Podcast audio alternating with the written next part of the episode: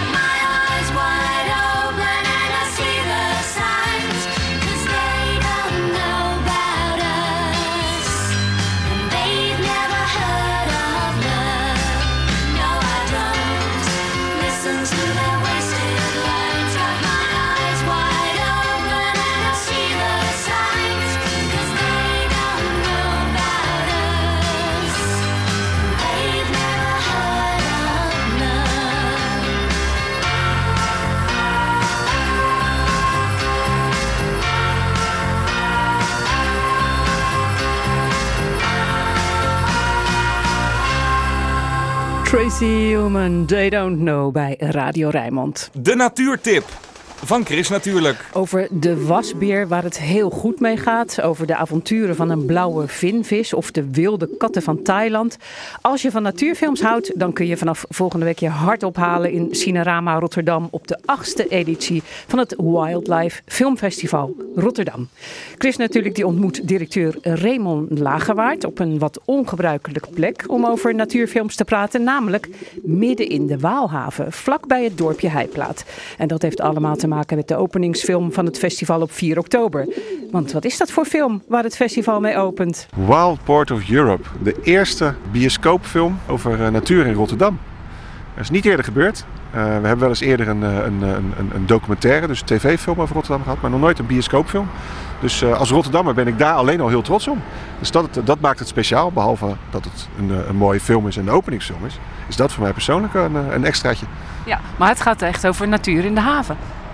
Ja, klopt. Kijk, als je, als je Rotterdam zegt, dan denk je een aantal dingen. En een van die dingen is de haven. Eh, en wat het zo bijzonder maakt is eh, dat je in eerste instantie denkt dat er in de haven eh, industrie is en verder niks. Maar de haven heeft iets te bieden wat een hoop mensen niet weten. Daar is iets ontstaan, een mooie biodiversiteit. En naast ons staat stadsecoloog André de Baardemaker. En eh, ja, die hoef je eigenlijk niks nieuws te vertellen volgens mij. Jij weet al heel lang dat er natuur in de haven is. Nou ja, het is denk ik goed voor mensen om te weten dat er eigenlijk overal natuur te vinden is. En eh, de haven is daarin geen uitzondering. En Rotterdam al helemaal niet. Wij zijn nu op Heiplaat, midden in de haven, Waalhaven. Nou, dan eh, denk je wat een onheimische plek. Het is toch helemaal geen gezellige natuur hier, eh, zou je denken. Ja, het zijn ook bijzondere plekken sowieso er komt weer een containerwagen voorbij hier, eh, een hoop herrie. Eh, maar als je dan de tijd neemt om daar eens even in zo'n rustig hoekje zoals hier, als je dan kijkt dat poeltje hier zo, er gebeurt van alles, daar leeft van alles. Er- groeit helemaal een dauwbraam en allerlei ruige vegetatie daar zo. Ik zie daar zelfs nog eh zandraket eh, staan, hè, de wilde rucola zo gezegd.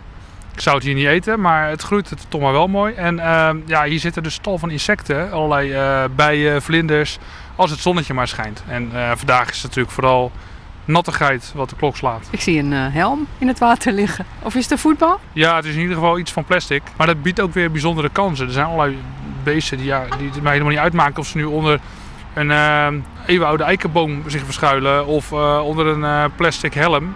Eh, als het maar dekking biedt, dan is het al gauw goed. En dat is natuurlijk ook wat die, wat die film zo mooi laat zien. Dat al die soorten die we daar zien, die zien we in andere natuurfilms ook wel eens voorbij komen. Alleen nu zien we ze tussen de containers, met grote zeeschepen op de achtergrond. En dat laat ook zien dat de natuur zich eigenlijk niet laat africhten tot natuurgebieden. Maar dat die ook daarbuiten, in, zelfs in een industriegebied, gewoon om zich heen grijpt. En als je eh, ja, eh, daarvan kunt genieten, dan eh, scheelt het toch wel weer een heel stuk, denk ik.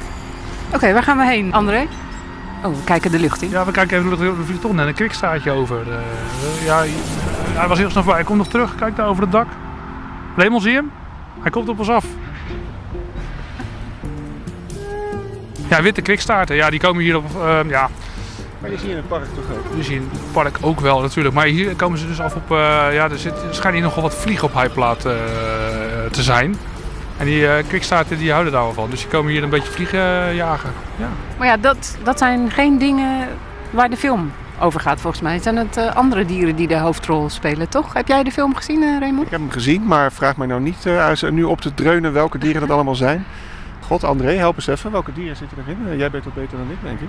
Ja, eh, welke dieren niet? Ik zie in ieder geval heel veel konijnen in de haven. In de film komen die gelukkig ook goed aan bod. De egel inderdaad noemde je net al. Eh, zeehonden heb ik voorbij zien komen. Ehm, Hoeveel van eh, zeehonden zitten daar dan in de haven?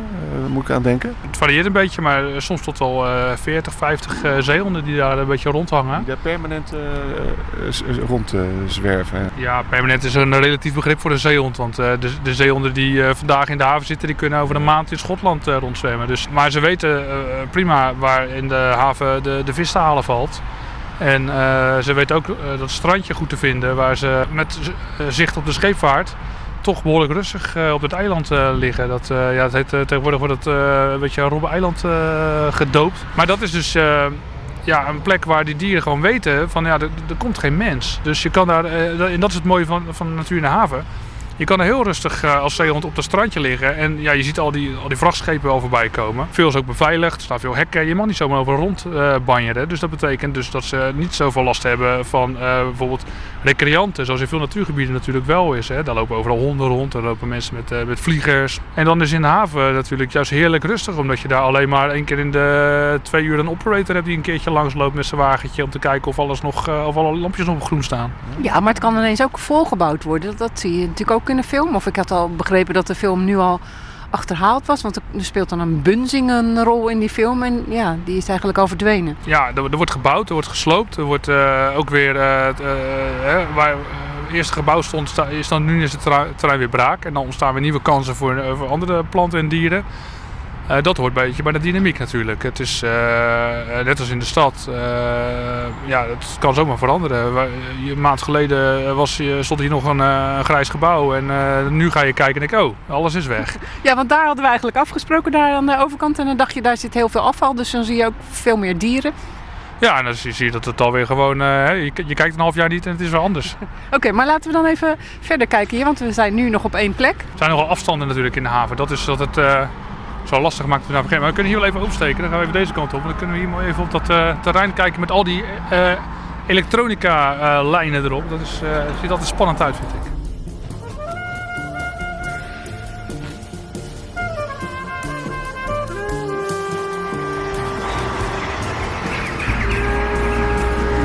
Wat is er eigenlijk allemaal aan natuur in de haven? Kan jij zo echt wat opnoemen, André? Ja, wat eh, de haven tot een bijzondere plek maakt, is dat het eigenlijk een combinatie is van twee eh, soorten natuur. Ene is duinnatuur, hè, dus echt soorten die je in het duingebied van Nederland aantreft, zoals eh nou ja, rugstreeppad, konijn, tapuit. Eh, Vos misschien tegenwoordig? en vos, uiteraard, ja zeker. En anderzijds ook soorten van de stad. Hè? Dus nou, slechtvalk bijvoorbeeld, duiven, mee uiteraard echt kustvogels natuurlijk. Dus ja, dat zijn, eh, dus dan krijg je een beetje een, een rare mix van soorten die elkaar misschien normaal gesproken niet echt tegenkomen. Die dan in één gebied aanwezig zijn. Ja, en dat gecombineerd met eh, grote zeeschepen en containeroverslag vind ik wel eh, een mooi beeld altijd. Ja, en is dit niet die plek waar wij ooit een keer hebben afgesproken voor een bijzondere roekenkolonie? Ja, hier zit een roekenkolonie inderdaad. Als je hier de straat doorloopt, die hoge populieren en ook deze populieren. Dat is een plek waar eh, eh, ja, een van de laatste kolonies roeken van, eh, van Rotterdam nog gevestigd is. Nog steeds. Nog steeds, ja. Dit jaar hebben ze ook weer hier gebroed. Maar nu zijn ze weer weg van deze plek. Zitten ze meer in de polders ten zuiden van de stad. Omdat ze daar insecten uit de velden halen. En daar vliegen ze normaal gesproken in de, in de broedtijd ook naartoe. Dus dan vliegen ze op en neer naar de, die die polders van Roon. En dan komen ze weer terug hier eh, in deze bomen om hier... Hier is het ook hier een rustplek, zeg maar, net als de zeehond in de haven. Ja, precies. Het is heerlijk, heerlijk rustig. Als je het geluid van het verkeer een beetje wegdenkt, is het een hele mooie veilige plek. Dus dieren trekken zich gewoon echt helemaal niks aan van, van wat wij misschien een onheimische plek vinden. Dat klopt. Of een reebokje nu in, eh, in de haven rondloopt en op moet oppassen dat hij niet wordt platgereden door een grote vrachtwagen. En dat is gevaarlijk namelijk. Of dat hij eh, in Siberië rondloopt en moet oppassen dat hij wordt gepakt door een tijger. Ja, dat is allebei gevaarlijk. En het zijn, allebei, het zijn andere, andere risico's die zo'n dier neemt. Maar eh, hij doet gewoon, het vertoont gewoon hetzelfde gedrag. Namelijk gras eten en, en goed opletten dat hij niet eh, wordt gepakt. Een gedramatiseerde film, dat, dat geeft natuurlijk misschien toch wel een heel ander beeld dan dat het echt is, de natuur in de haven. Nou ja, kijk, dat, bij natuurdocumentaires geldt dat altijd. Hè? Dat je nooit exact weet in hoeverre je nou naar eh, eh, eh, de, de werkelijkheid van het qua verhaal kijkt. Of naar een, eh, een verhaal wat, wat, wat de filmmaker op die manier graag wil vertellen. Omdat het zo eh, ja, mooi uitpakt voor de film. Nou, het is natuurlijk, de verhalen zijn echt. Dus eh, wat je in de film ziet, eh, dat is natuurlijk wel basis van wat er daadwerkelijk in de haven gebeurt. Zoals een bunzing die daar eh, in, het havengebied rondloopt en eh, op konijnen jaagt en achter ratten aan zit. Ja, we weten dat, dat die dieren dat doen. Alleen het is natuurlijk ontzettend moeilijk om dat gewoon voor de lens van de camera te krijgen. Dus ik bedoel, ik loop al jaren in de haven. Ik zie, Zie nooit een bunzing? nou ja, weinig inderdaad. Dus eh, je moet net geluk hebben, zie je er een voorbij hollen. En dan, dat, dat was het dan. En dat, en dat maakt natuurdocumentaires dus zo, zo, zo, zo tijdsintensief, zo kostbaar. Het is gewoon een kwestie van eh, ja, investeren. Als je meer geld hebt, dan kun je daar mensen wekenlang in een putje laten zitten. Nou, we staan hier al een tijdje. Hebben we nog wat gezien? Ik heb nog even opgelet, maar eh, geen, geen, geen bunzing te vinden hier. Jammer. Chris natuurlijk was op pad met stadsecoloog André de Baardemaker en Raymond Lagerwaard, directeur van het Wildlife Filmfestival Rotterdam. En het festival met natuurfilms uit binnen- en buitenland is te zien in Cinerama in Rotterdam van 4 tot met 9 oktober. En de muziek die je hoorde in de reportage komt uit de film World Port of Europe, gecomponeerd door Erik Vloeimans. En dit is Xavier Rat.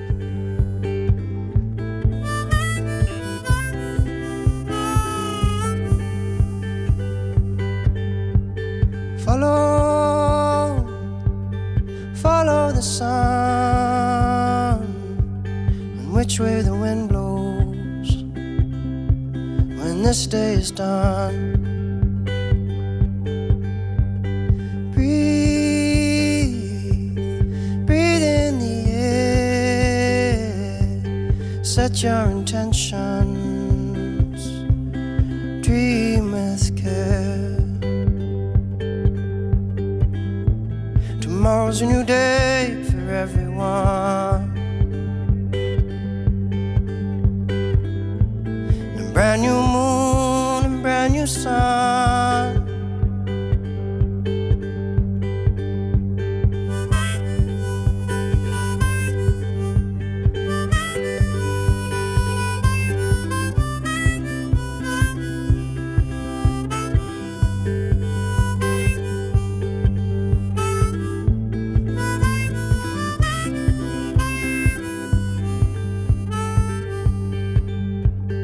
Follow, follow the sun, the direction of the birds, the direction of love.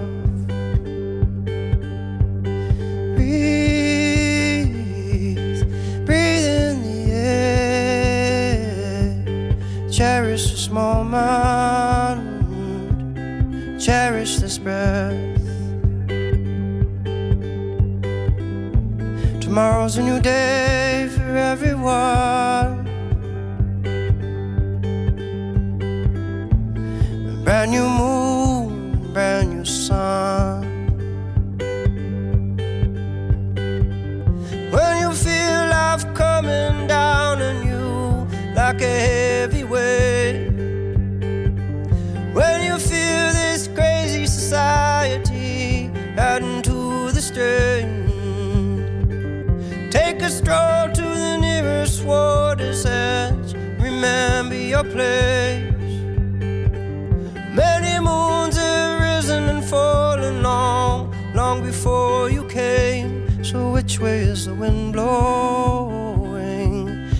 And what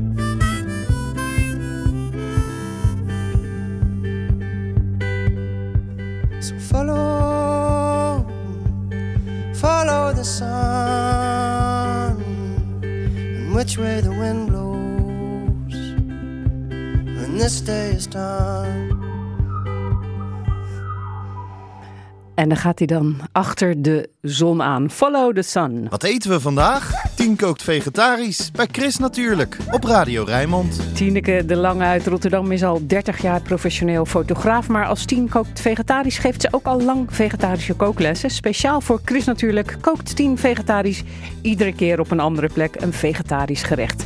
En na afloop deelt ze het recept. Vandaag is het Wereld Vegetarisme Dag. Voor het gemak hebben wij het even omgetoverd tot Eet Geen Dierendag. En waar we dan vandaag zijn op Eet Geen Dierendag, dat horen we van Tien zelf. Nou, we zijn in het eh, schone dorp eh, Portugal. Bij de tuinderij van Polak. En eh, we staan in een hele mooie winkel waar het fantastisch ruikt. Direct op bij binnenkomst. Alles is, wordt vers gesneden, dus dat ruikt je. Het zit heel erg mooi in de lucht. En als altijd heb je bij je, Onze vegetarische mascotte, Beb. nou vegetarisch, Een beetje vegetarisch, opgedrongen. Wij zijn hier op uitnodiging van Dirk-Jan Polak, die we bij Rijnmond toch vooral kennen als jager en niet als groenteman. Het jagen is begonnen op de tuinderij, eh, omdat we heel veel verschillende gewassen teelden, waar het wild ook lekker van eh, snoepte. Dat is natuurlijk altijd een, eh, ja, een strijd eh, om ervoor te zorgen dat je eerder oogst dan het wild het voor je doet. Maar ja, nu zijn we hier eh, voor de groenten, want jij bent in je hart ook een groenteman, toch?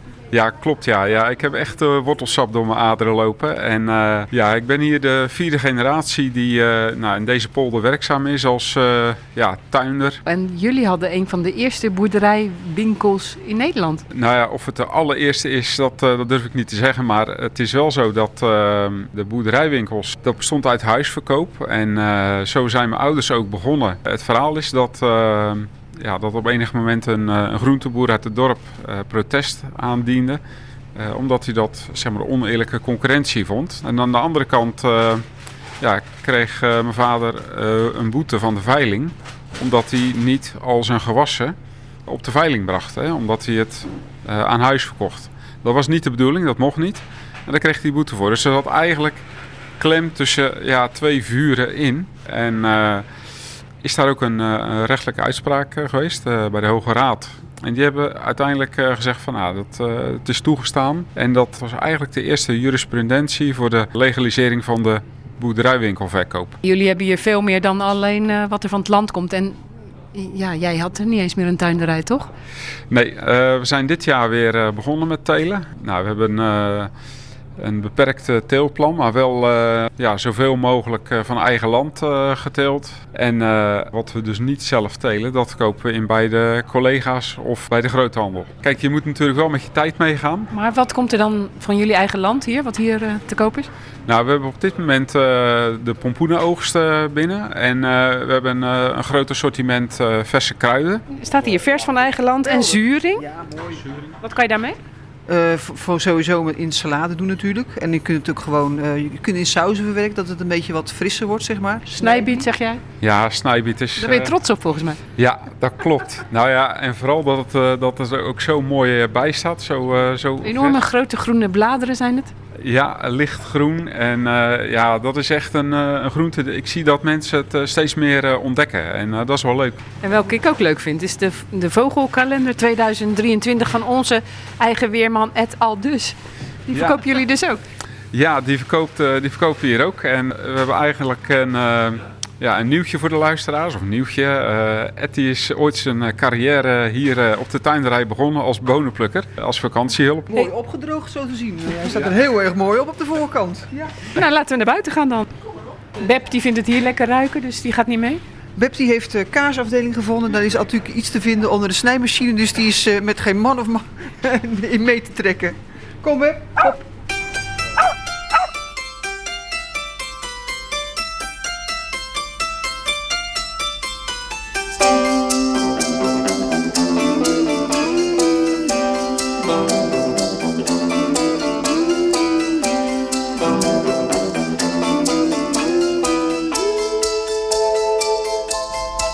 kruidentuin, salie zie ik hier, rozemarijn. De rozemarijn die, eh, ja, die doet het eh, goed. Hè? Maar dat zijn natuurlijk vaste planten, dus die moet zich nog verder ontwikkelen. Maar eh, het bieslook staat er echt schitterend bij. Dus die, eh, die heb je net in de winkel kunnen zien. Tien, krijg je al een beetje inspiratie van wat je hier ziet? Nou, ik zag ehm, dat Dirk-Jan lekkere Hollandse eenvoudige groenten heeft. Van kolen, knollen, rapen, uien, aardappels. En eh, mensen zijn altijd een beetje aan het piepen. En dan zeggen ze, ja tien, van dat soort eenvoudige dingen kun je niks leuks maken. Dat is natuurlijk totale onzin. Dus we gaan ehm, van de allereenvoudigste groente, de ui, gaan we een hele mooie saus maken. Het heet soubise. Een beetje aanvullen met room en een beetje peper en zout. Super eenvoudig. Pureren heb je een hele mooie uiensaus. En dan heb ik, ik zag prachtige bloemkolen liggen. Ja, Beb ziet een muis. Ehm Beb is niet vegetarisch, hè. Eh, ik zag prachtige bloemkolen liggen. Die kun je natuurlijk gewoon, zoals je moeder vroeger deed, een beetje stuk koken met een eh, wit sausje. Dat hoeft niet. Dus we hebben hem geblancheerd en dan die hele ui of die hele bloemkool, daar maak je een hele mooie taart van. Ik zag hele mooie bieslook staan hier, die gaan we ook gebruiken. En een paar kleine cherry tomaatjes, die doen we heel eenvoudig even in een pannetje poffen. Nou, het water loopt hier echt in mijn mond. En ja, dat met zo'n eh, lekkere Hollandse groente. Ja, dat, eh, dat is toch fantastisch. Ja, wat wil jij ons nog meer laten zien? Die, die uitgebloeide bloemen daar? Nou ja, dat, eh, die zijn inderdaad uitgebloeid. Dat is de akkerrand. Eh, dus we hebben op onze tuinderij hebben we ook rekening gehouden met, nou, met de biodiversiteit. Dus dan zaaien we een, een akkerrand in. Daar maken heel veel insecten, vogels dankbaar gebruik van. Kan je er in de winter ook nog wat mee? Ja, uiteraard in de winter eh, ja, zijn toch de, de zaden, maar ook de dekking eh, die het geeft, eh, ja, is het altijd eh, een, eh, een nuttig doel. Oké, zullen we nog even kijken wat dit allemaal eh, is hier? Voor, voor mij als stadsdame, Nou, al deze bladeren. Ik hou Beb even vast. En jij vertelde net, hè, want we hadden het ook gezegd over dat je ook jager bent, eh, dat jij een hond had, een jagershond, en die vond groente ook best lekker. Ja, de, mijn eerste jachthond die, eh, die was helemaal gek op eh, rode bietjes. ja, die lag er ook heerlijk eh, zo tussen zijn voorpoten op te knagen en eh, die zat er echt van te genieten. Kan jij er iets bij voorstellen? Ja, want het heeft natuurlijk dat zoetige van vlees en een beetje dat knagerige. En zoals je misschien weet, eh, ze maken van een hele grote bieten maken ze die fantastische eh, dry-aged bieten. Die 28 dagen worden ingedroogd. En als je die bakt en als je die snijdt, dan heb je gewoon een rosé stukje biefstuk. Dus die hond was nogal visionair, kunnen we wel zeggen. Beb, ga mee. Kom maar. Beb die ruikt echt van alles hier, hè? Ik denk dat er heel veel muisjes zitten. En eh, dat ruikt Beb en die wil ze natuurlijk bezoeken en ondervragen. Vroeger had je natuurlijk een veel groter stuk land hierbij. Ja, maar ja, daar is de winkel natuurlijk ook voor een deel op eh, komen te staan. Alleen, nou ja, goed, het perceel wat we nu hebben is groot genoeg voor eh, de winkel zoals we hem nu hebben. Dus we hadden destijds ook een groothandel erbij, maar dat, eh, dat is niet meer. En hoe vind je het om weer eh, op het land bezig te zijn met eh, al die groenten hier? Ja, dat is fantastisch. Hè? Buiten bezig zijn, eh, bezig zijn met de primaire voedselproductie. Ja, dat is eigenlijk het mooiste. Hè? Dus, eh, dat is waar het eh, om, om draait in het leven. Goed en gezond eten. En vooral lekker. En nou ja, we weten allemaal, er komt een interessante winter aan. Waarin eh, iedereen een beetje op zijn centen moet gaan letten. Dus waarom niet wat eenvoudiger eh, producten kopen? Geen eh, avocados meer uit Uruguay. Koop gewoon een paar leuke kolen en rapen. En wat peulvrucht. En ik, als je een beetje je best doet, is het eigenlijk veel lekkerder. Ik denk dat het tijd is om wat te gaan maken. Toch, Tien? Ik denk het ook. Oh, lekker zeg. Tien kookt vegetarisch op Radio Rijnmond. Bij Chris natuurlijk.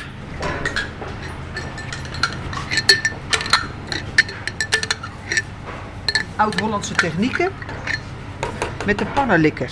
Ja, want we staan nu dus eh, hier midden in de boerderijwinkel te koken. En je hebt natuurlijk van alles al voorbereid. Een lekker eh, sausje van ui en het ruikt heel lekker. Ja, hij ruikt lekker.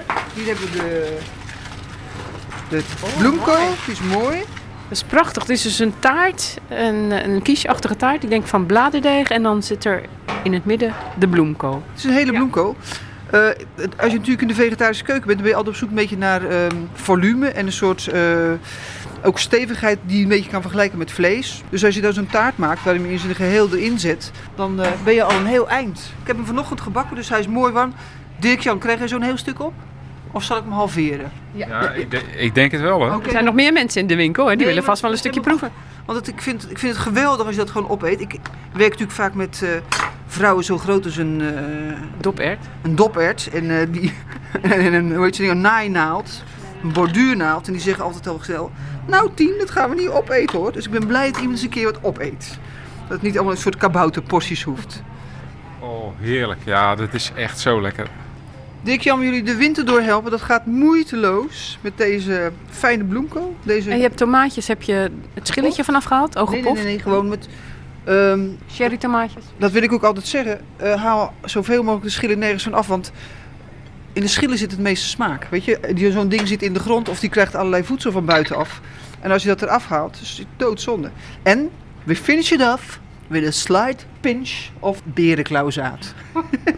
Ja, en dat groene, dat is gewoon... Bieslook? Uit de tuin van eh, Dick Jan. Heel mooi, heel fris. Hoe smaakt het, mevrouw? Ja, lekker. Ooit wel zoiets gegeten? Nee. Maar dat eh, kunt u dus ook doen eh, met een bloemkool, hè? Ja, inderdaad. Heerlijk. Oh, lekker zeg. Tien kookt vegetarisch op Radio Rijnmond. Bij Chris natuurlijk. En wil je weten hoe je het recept van 10 kookt vegetarisch maakt? Kijk eventjes op de site van Rijnmonds Chris natuurlijk voor een linkje naar het recept. Chris Natuurlijk. De weekendbijlage. Wat staat er in de weekendklanten over groen, natuur en milieu? Je hoort het in het overzicht. Ik lees dat vandaag samen met Martin van de Boogaard. Martin, goedemorgen. Jij gaat beginnen. Ja, goedemorgen Chris. Ja, wat eh, eh, zeggen dieren nu eigenlijk? In eh, de Volkskrant eh, lees je dat, een, dat er een vertaalhulp voor dieren steeds dichterbij komt. Er zijn verrassende vorderingen meegemaakt. Een vertaal-app als Google Translate ligt hier in het verschiet. Ja, vroeger hadden we gewoon de heilige Franciscus die met de dieren sprak. Maar nu hebben we Google daarbij nodig. Oh, ja, ik ben niet zo bijbelvast. Met Dierendag in aantocht is het tijd om onze huisdieren weer extra te verwennen, schrijft het AD. Maar ook huisdierbezitters die voelen de inflatie. Toch mag de verzorging van Poekie en Luna wat kosten, schrijft de krant. Nou, Je zegt al, hè, Dierendag 4 oktober, dat is dus de dag van de heilige Franciscus. Oh, nou ja, Ik ben zeg. katholiek opgevoed. Zo en leren dan, we eh, nog eens leer je wat hier? Ja. bij Chris natuurlijk. Nou, eh, de spreeuw dan, die eh, werd vorig jaar het eh, meest geteld op Euro Bird Watch. Nou, dat klinkt wel heel, heel snel. Dat is de jaarlijkse telling van de trekvogels naar het zuiden. En wie wil zien hoe er geteld wordt, die kan naar een telpost. Bijvoorbeeld bovenop de skiberg in Bergse Hoek, waar specialisten vandaag tot eh 12 uur vogels staan te tellen. Wat doen we om energie te besparen? Van jetten moet het licht uit. Bijvoorbeeld bij monumenten lezen we in Trouw. De Telegraaf die schrijft dat de minister van Klimaat en Energie nog een stapje verder wil gaan. Hij zou s'avonds het liefst de straatverlichting uitdoen. Ja, goed idee, denk ik, eh, als je dan maar niet... eh, Je onveilig voelt. Ja, of de gracht in fietst. In, eh, in de NRC een opmerkelijke studie. Iedereen neemt de natuur in zijn eigen jeugd als norm. Natuurbeheerders die kijken vaak niet verder terug dan enkele tientallen jaren. En dat is veel te kort. En daardoor gaat veel natuur verloren. En wat was jouw eh, natuur eh, uit jouw jeugd, Nou, Martin? ik ging altijd eh, bloemen plukken buiten uh, ik ja, maar dan moet je weten welke bloemen natuurlijk. Fluitenkruid. En ja, nu is daar één grote nieuwbouwwijk. En dat vind ik toch wel eens, wel eens triest. Ja, Ja. en ik denk ook eh, heel veel brandnetel en zo. Nou Ook, goed, Absoluut. ja, Martin van der Boogaard was dat met het weekendkranten, het groene nieuws en ook daarbuiten. Dankjewel Martin. Dan gaan we door naar Ed, Ed Aldus. Goedemorgen. Ja, dag Chris. Hallo Ed. Nou hoorden we net in de reportage dat jij je carrière bent begonnen als bonenplukker op het eiland IJsselmonde. Oh jee, dat is waar. Jij bent bij Polak geweest. Ja, klopt ja. Nee, dat is zo ja. En ik weet nog precies wat ik verdiende. En ik had dat heel de dag heel druk bonen geplukt. En dan kreeg ik eh 25 gulden in die tijd. En daar heb ik gelijk verzilverd bij de platenzaak. Bij de platenzaak. En eh, een plaat van ABBA gekocht zeker. Nou, dat weet ik niet meer, maar ik heb dit singeltjes toen wel gekocht. Nou ja, dat is toch weer leuk eh, om eens een andere kant van jou te leren kennen. Ed, maar je bent natuurlijk hier eh, al jarenlang weerman. Wat Ja. krijgen we voor weer dit eerste weekend van oktober? Nou, ik denk dat het in grote lijnen wel meevalt. Op dit moment passeert er nog een gebied met een aantal buien van west naar oost over de regio. Wat opvalt is dat die wind al behoorlijk is afgenomen. Eh, de wind die, eh, is momenteel eh, zwak tot matig boven land en die waait momenteel vrij krachtig aan zee. De wind komt uit zuidwest tot west, west langs de kust, maar die gaat overal uit het westen waaien. Boven land gaat hij trouwens wel weer toenemen tot matig windkracht 4. Aan zee waait hij dan krachtig de rest van de dag, windkracht 5 of 6. Nou, vanmiddag is het best wel aardig weer met een mix van zon en bewolking. Het blijft verder ook overal eh, droog dan, of vrijwel droog. Er kan nog een lichte bui doorheen glippen. Het wordt zo'n 16, 17 graden dan, Chris. En dan vanavond en vannacht, dan zie je voor vanavond even een aantal buien, want er passeert er een storing. Vannacht is het dan droog met opklaringen. Het koelt dan af naar een graad of 12. De wind waait aan zee nog wel vrij krachtig, een windkracht 5. En morgen een hele aardige dag. Want er trekt er namelijk een storing ten zuiden van ons land langs naar het oosten. Nou, dat betekent bij ons morgen een vrijwel droge dag. Met af en toe zon. Flink wat sluierbewolking. Morgenavond klaart het helemaal breed op. En de wind die waait morgen matig. En die komt dan uit het eh, westen. Eh, en in de loop van de dag dan neemt de wind eh, duidelijk in kracht af. En morgenavond waait het nauwelijks. Worden de opklaringen trouwens ook breder. En het wordt morgen zo'n graad of 17. Je werd een beetje nacht- afgeleid, Ed. Ja, dat klopt. In de nacht naar maandag en maandagochtend is de grote kans op mist of dichte mist. Ja, en maandag overdag profiteren we dan van een hoge drukgebied. Is het heel rustig weer, blijft het droog en wisselen zon en bewolking elkaar af. En ja, best wel een luxe temperatuur voor de tijd van het jaar, want het wordt 18 graden maandag. Nou, lijkt me toch heerlijk. Dankjewel Ed. Ja. En eh, ik wens jou een fijn eh, weekend. Vandaag ga je naar ABBA hè, straks. Dus, eh, Ja, ik ga zo naar Alba, inderdaad. ja, en dan gaat je collega Stefan vanmiddag om 1 uur het overnemen met nee, het, ik met doe het weer. Gewoon, ik doe het wel gewoon live om half Oh, één. ook. Ja, ja, nou ja. goed, nou Ja. fijn. Dan horen we je vanmiddag weer om half 1 en ik wens je heel veel plezier. Oké, Fijn dankjewel weekend. Chris. Fijn Hoi, weekend ook. dankjewel. Hoi. Luisteren allemaal naar Chris. Kom daar toch. Chris, natuurlijk. Eerste week met jou voelt als vakantie. Beetje chillen, beetje dansen. Wil mezelf opsluiten in je bed. Nooit zo lang geen wekker gezet, maar heb me nooit zo laten gaan. Waar komt dit ineens vandaan? Stond op het punt om naar huis te gaan. Maar toen zei je, wacht even. Ik wil nog even met je mee. Wil verdwijnen met z'n twee. Die ene week dat werden er vier. En we zijn nog steeds hier. Ik heb mezelf Ik heb de wereld dicht gedaan. Wil met jou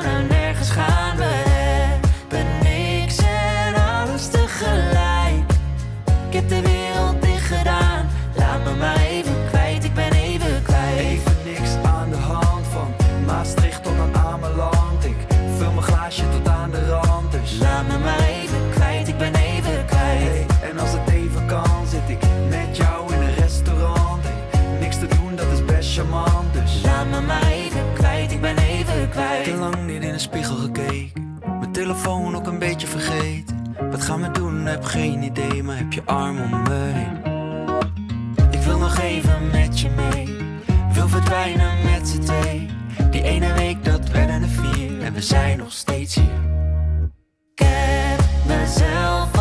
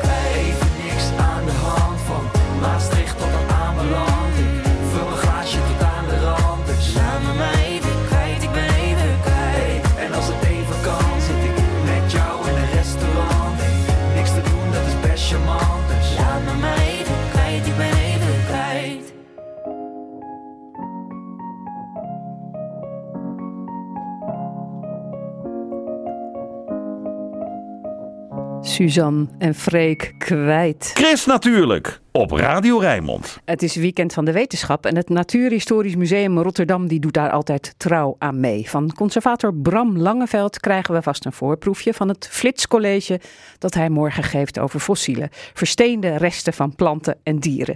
Bram is expert op het gebied van fossielen en hij verzamelt ze al meer dan 20 jaar. Wat is er zo leuk aan het zoeken van fossielen? Het zoeken van fossielen is eigenlijk heel erg spannend, want eh, je hebt altijd de kans om iets nieuws te ontdekken. En dat is natuurlijk heel erg, ja, dat is gewoon cool. Ja, maar wat is dan het meest interessante wat jij ooit hebt gevonden? Dat zal op Maasvlakte 2 zijn geweest, dat ik daar een stuk mammoetschedel vond. En in dat stuk mammoetschedel zat als een soort bonus zaten de eh, ja, vliegenpoppen. Dus vliegenpoppen van 40.000 jaar oud, net zo oud als die mammoetschedel. Van aasvliegen die dus van een rottende mammoet gegeten hebben.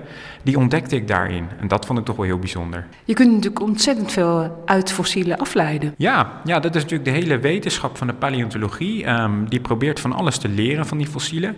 En dat loopt uiteen van eigenlijk hoe zag het dier eruit... tot in wat voor omgeving leefden die dieren... en uiteindelijk zelfs dingen over hoe was het klimaat vroeger. Ja, daar kunnen we natuurlijk weer van leren... maar hoe gaat dat er misschien dan in de toekomst uitzien? Ja, ik dacht dat er pas ook weer eh, over dino's weer eh, nieuwe dingen waren ontdekt. Er worden vrijwel dagelijks nieuwe dingen ontdekt over dino's en andere fossielen. We weten inmiddels nu dat heel veel dinosaurussen veren hadden.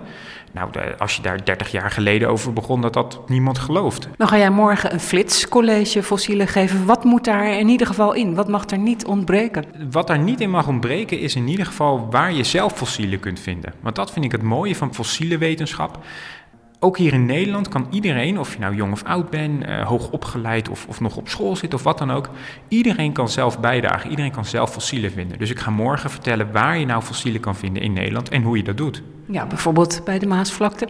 Precies, ja. Dat is een prachtige plek om eh, makkelijk gewoon het strand op te gaan. Eh, zeker als het een beetje lekker weer is. En daar kan iedereen zelf zijn eigen stukje, ja, klein stukje vaak, maar toch, mammoet vinden. Of neushoorn, of zelfs sabeltandkat of tapir, noem ze allemaal maar op. Die fossielen zijn daar te vinden. Maar ja, wat, waar moet je dan op letten als je over het strand loopt? Ik zeg altijd bruin of zwart en wat glimmend. Dat zijn ja, de, de, de kleuren waar je, op waar je naar zoekt. Eh, want die botten die zijn natuurlijk verkleurd. Die zijn bruin of zwart geworden. Die zijn niet meer wit zoals ze ooit waren in het skelet. En verder is het eigenlijk een kwestie van zoveel mogelijk oprapen. Alles waarvan je ook maar enigszins twijfelt. Goh, wat een rare steen. Gewoon oprapen en bekijken. En bij twijfel natuurlijk even hier in het museum langskomen... om te, ja, te laten checken door mij of een collega. Er spoelt natuurlijk ook allemaal troep aan. Plastic, visnetten, dat soort dingen. Ja, ja helaas wel. Ehm, ja, dat, dat hoort er een beetje bij in deze tijd. Hè? In, in het, het antropoceen, zoals we dat noemen. Daar gaat eigenlijk deze tentoonstelling eh, over, waar we nu staan. Want jullie doen in het weekend van de wetenschap altijd iets met een tentoonstelling eh, die dan in het museum te zien is. Deze tentoonstelling gaat eigenlijk over fossielen die helemaal niet bestaan. Precies, ja. Dit zijn future fossils. Dit zijn ehm, ja, fossielen uit de toekomst. Twee kunstenaars, Walter van der Velden en Aart Kuipers, die hebben zich afgevraagd: wat nou als we over 100.000 jaar een paleontoloog hier op aarde hebben, een doorgeëvolueerde mens of misschien wel een hele andere soort, en die gaat opgravingen doen in lagen die zich zeg maar nu op dit moment vormen, dus in 2022.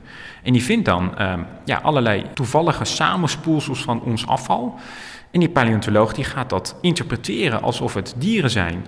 Nou, en die fossielen hebben Walter en Aard dus gemaakt. Laten we eens kijken naar het grootste stuk hier achter ons. Dat is Gitera gruelus oceanum. Ehm, ze hebben natuurlijk ook een mooie wetenschappelijke naam bedacht. Ja, en we zien een soort, althans iets wat lijkt op een zeemonster. Hè. Als we daar vooraan kijken, zie ik twee enorme kaken met, met een soort scherpe tanden. Twee grote flippers voor, achter wat kleinere flippers en op het eind nog een grote staart. Maar ja, zo, zo ziet het er nu uit, maar dit is natuurlijk geen echt fossiel. Dit is een kunstwerk. En als we dan beter kijken, dan zie ik dat die kop, ja, dat zijn twee gieters. Of eigenlijk een doorgezaagde gieter. Die tanden, dat lijken wel knijpers. En die, die, die flippers die ik noemde, ja, dat zijn letterlijk gewoon van die zwemvliezen voor in het zwembad. Van een afstandje is het net zo'n mooi klassiek fossiel. Van dichterbij is het duidelijk, ja, eigenlijk gewoon troep. Hè? Troep, wel, het is kunst, maar het is kunst gemaakt van onze troep. En dat vind ik het mooie van deze expositie. Het, zet je wel weer even met beide benen op de grond van... goh, misschien moeten we toch iets minder consumeren of iets meer hergebruiken... of, of iets slimmere materialen gebruiken die, die wel ehm, afbreken... in plaats van voor eeuwig bewaard blijven. Dus het, het doet je ook wel weer nadenken. Na het Flitscollege van Bram Langeveld morgen in het Natuurhistorisch Museum Rotterdam kun je tijdens een workshop je eigen fossiel van de toekomst maken. En dat doe je dan bijvoorbeeld met zelf meegebrachte oude wasknijpers, met Lego-blokjes, theelepeltjes, andere kleine afgedankte spulletjes. En hier hebben we Michael Kiwanuka, Love and Hate.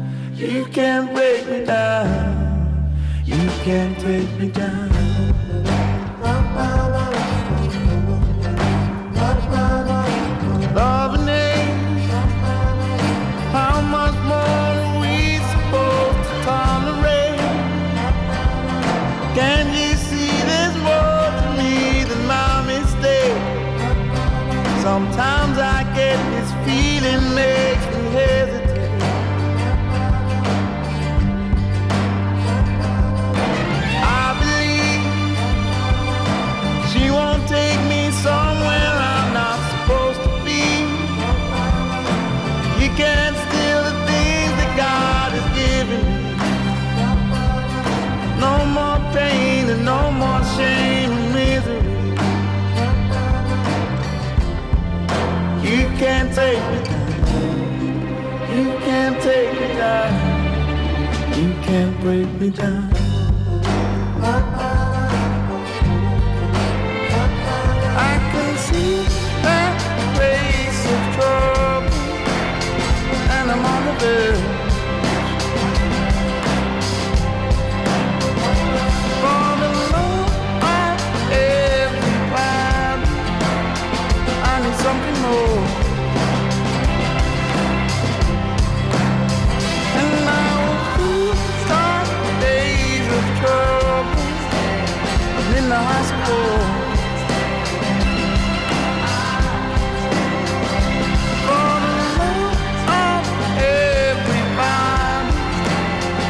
behind.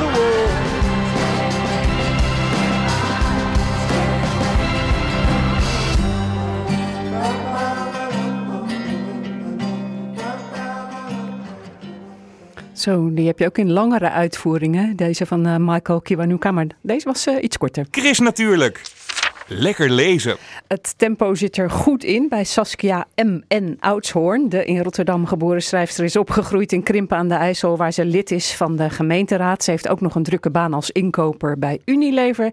En ze heeft heel wat boeken op haar naam staan. De presentatie van haar nieuwe spannende roman Losgeslagen was twee weken geleden in Donner in Rotterdam. En Saskia is hier om te vertellen over haar boeken. Saskia, goedemorgen. Een baan als raadslid, inkoper bij een grote multinational. Productief als schrijver, eh, hoe, hoe doe je dat? Hoe hou je al de ballen omhoog?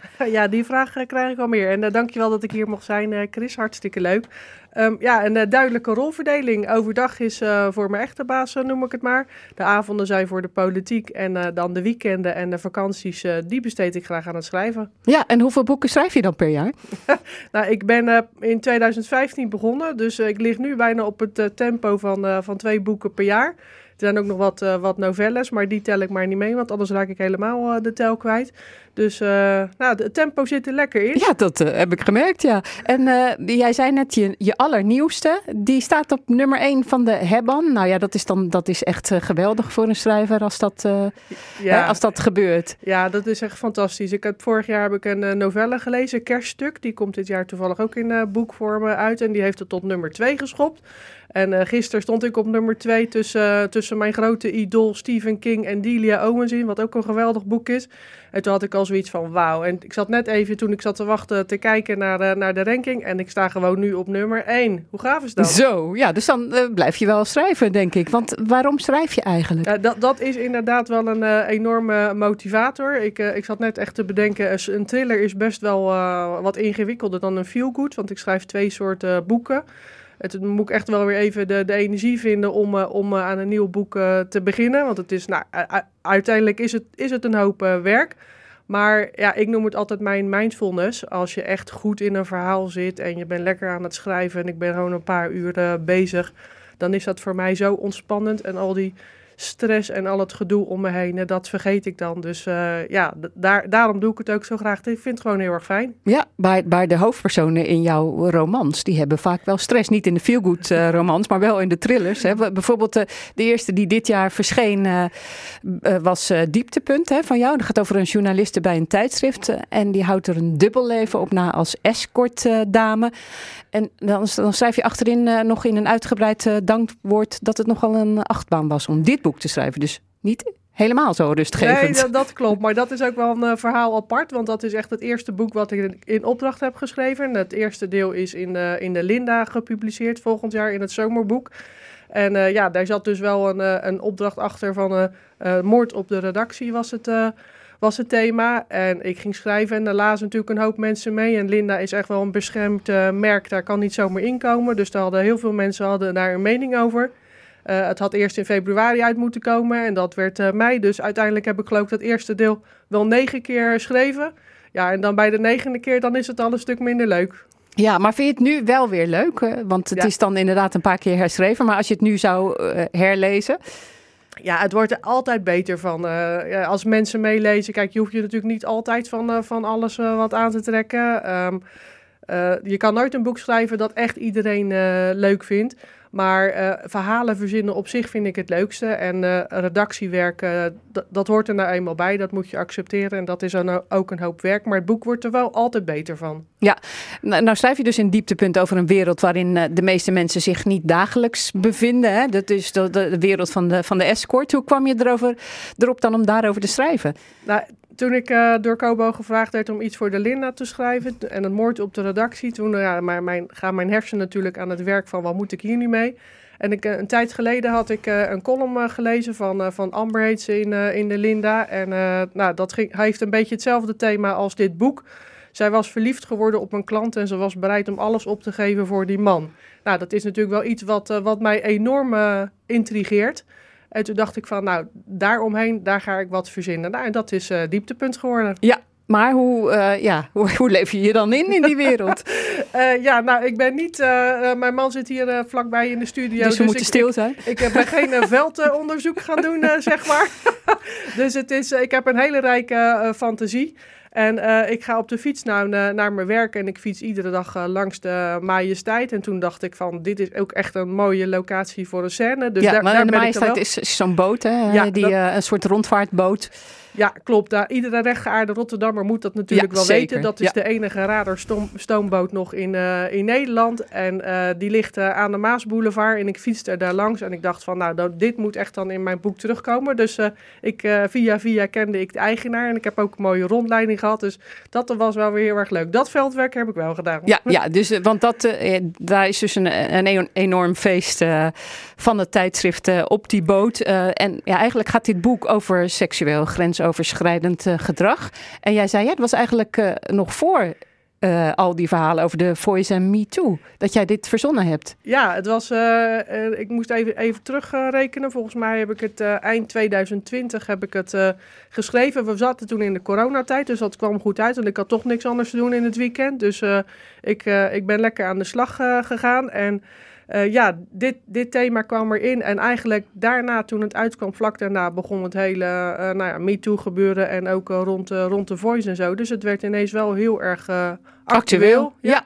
En nou, je nieuwste boek, inderdaad nu op nummer 1 van Hebban, Losgeslagen. En dan staat er eh, op de kaft, spanning op Ibiza. Dat staat op de achterkant. En op de voorkant, achter iedere voordeur schuilt een geheim. Ja, spannende roman. Je moet het natuurlijk wel een beetje spannend maken. Hè? Want Dus, doe jij eh, dat ook zelf? Schrijf jij dan die tekst ook eh, erbij? Of doet de uitgever dat? Nou, we denken daar wel samen over na. Ja, die, die, die schrijven we inderdaad samen. Dat, het moet natuurlijk wel intrigeren om, om een boek te gaan lezen. Dus dat vonden wij wel een, eh, een pakkende titel voor, nou ja, ook wat er eh, achter de Daar deuren gebeurt- bij de... ja, achter die bu- ja, ja, ja. want eh, eigenlijk, hè, dit, dit, dit is ook weer een boek, net zoals het vorige, dat zich afspeelt in een wereld van glamour en, en rijkdom.